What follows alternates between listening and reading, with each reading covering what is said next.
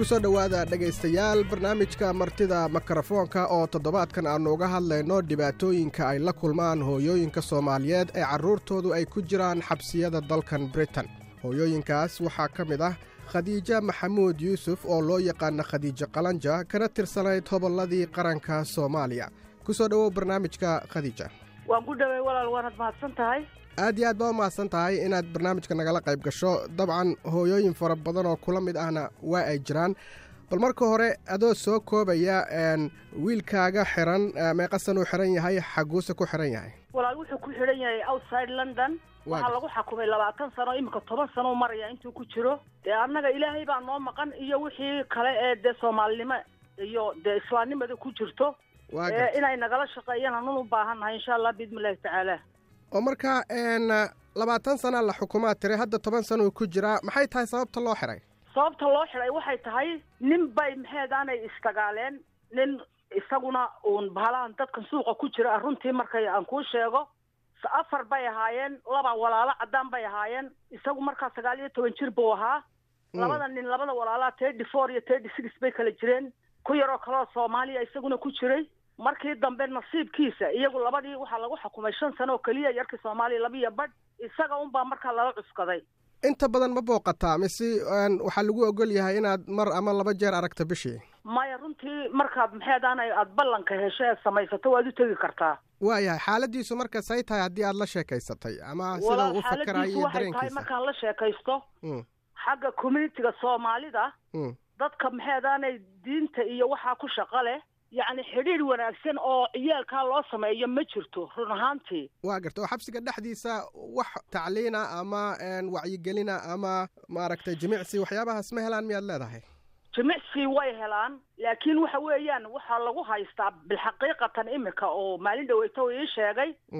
Inamadu markay ama salaada tukanayaan ama maxeedaane qof dee ay diinta kala sheekaysanayaan wuxuu yidhi waana la oo maalin dhaweyta waxaan u malaynayaa inaad newskaba ka aragteen oo la yidhi iyaga inta muslimiinta jeel gooni oo jeelka ku sii dhex yaalla oo god gooniyaa loo samaynaya iyaga u go-an.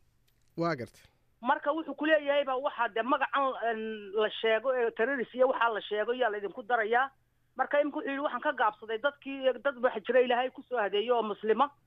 Dad maxaydan dhalinyaro oo markii hore diintu ku yarayd oo imika doonaya maxaydaanay in dee uu qofkii qofba ka soo ka horreeyay ilen mudduu ku jiraye marka waaba loo fiirsadaaba taas xagga dadkan u shaqeeya ee soomaalida ee maxaabiista en maalintii meeshaan isugu imanaha iskugu iman jirnay.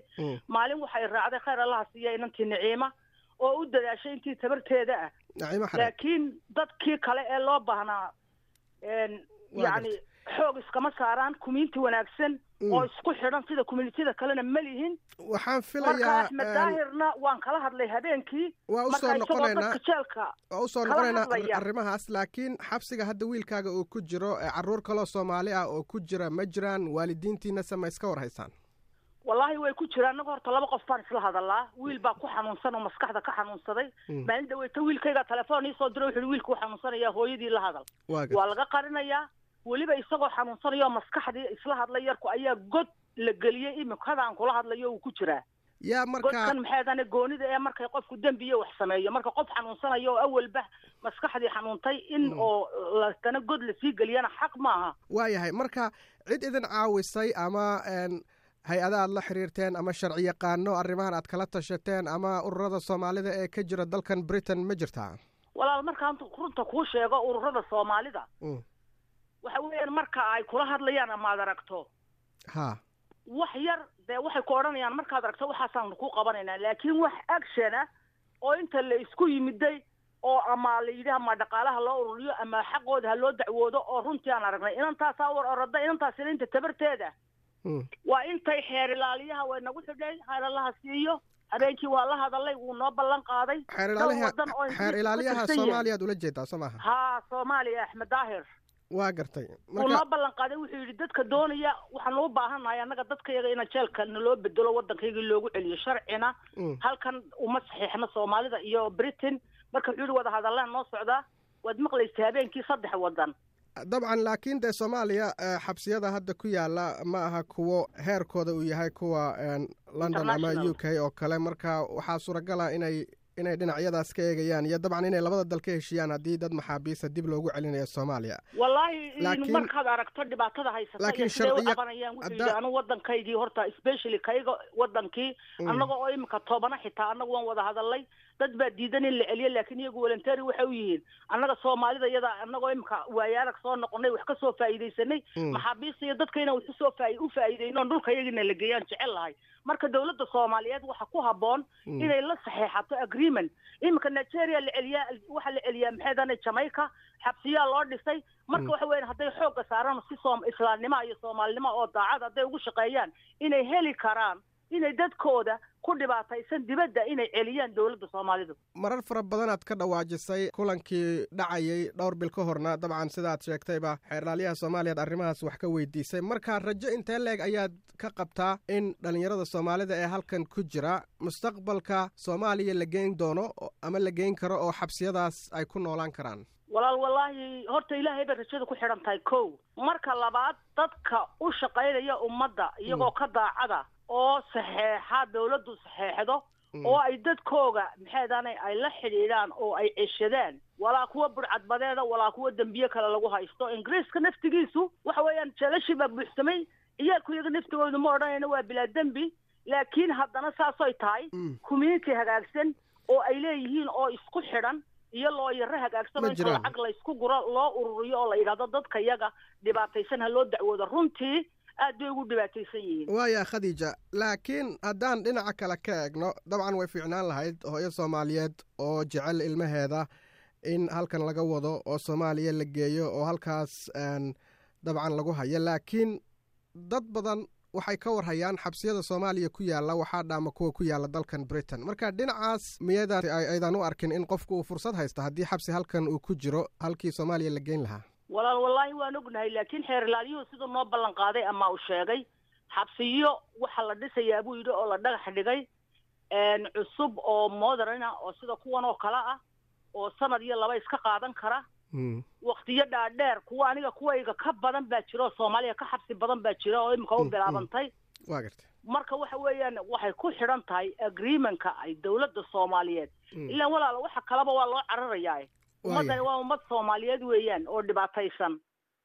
Ma fahamtay inay iyagu saxeexaan agreementka oo ay wadahadaladooda adkeeyaan ayaa aan ka filaynaa insha allah biidni illahi tacaala. Inkastoo aan aad iyo aad uga xumahay dabcan dhibaatooyinka inta badan hooyooyinka ay la kulmaan adiguna aad ka mid tahay. Haddana bal dareenkaagu siduu yahay ilmahaagii oo kaa maqan intaasoo sanno oo dembi loo haysto oo xabsi ku jira noloshaada maxaa iska beddelay wallahi horta alxamdulilah rabbilcaalamiin waxaan ahay qof islaama oo ilaahay taqaano oo ilaahay baryaysa. Kolleyba waad garanaysaa werwer horta wuu jiraa naxdin badan baa kula soo gudboon. Safar badan baan gallaa. Sagaal sannadood baan ku sii socday maxeedaanay iminka iyo weliba dheeraad jeel baan ku sii socday. Waa gartay. Ma fahantay kuwa iga horreeyey baa jira kuwa maxeedaana iminka iga xabsi badan baa jira. Marka ilaaha raxmaanka ah ayuun baan dee barinaayon u baryaynaa isagaa gacanta wax ku hayee waa gartay marka waalidiintiina si gaara ma u kulantaan oo mararka qaarkood dhibaatooyinka idin haysta ma wadaagtaan? Wallaahi horta laba goor saddex goor intaa niciimo isku kaayo keentay baanu dadka is aragnay. Markaanu aragnayna waad ogeyd intii hadalkii meeshii waa la hadhadlay.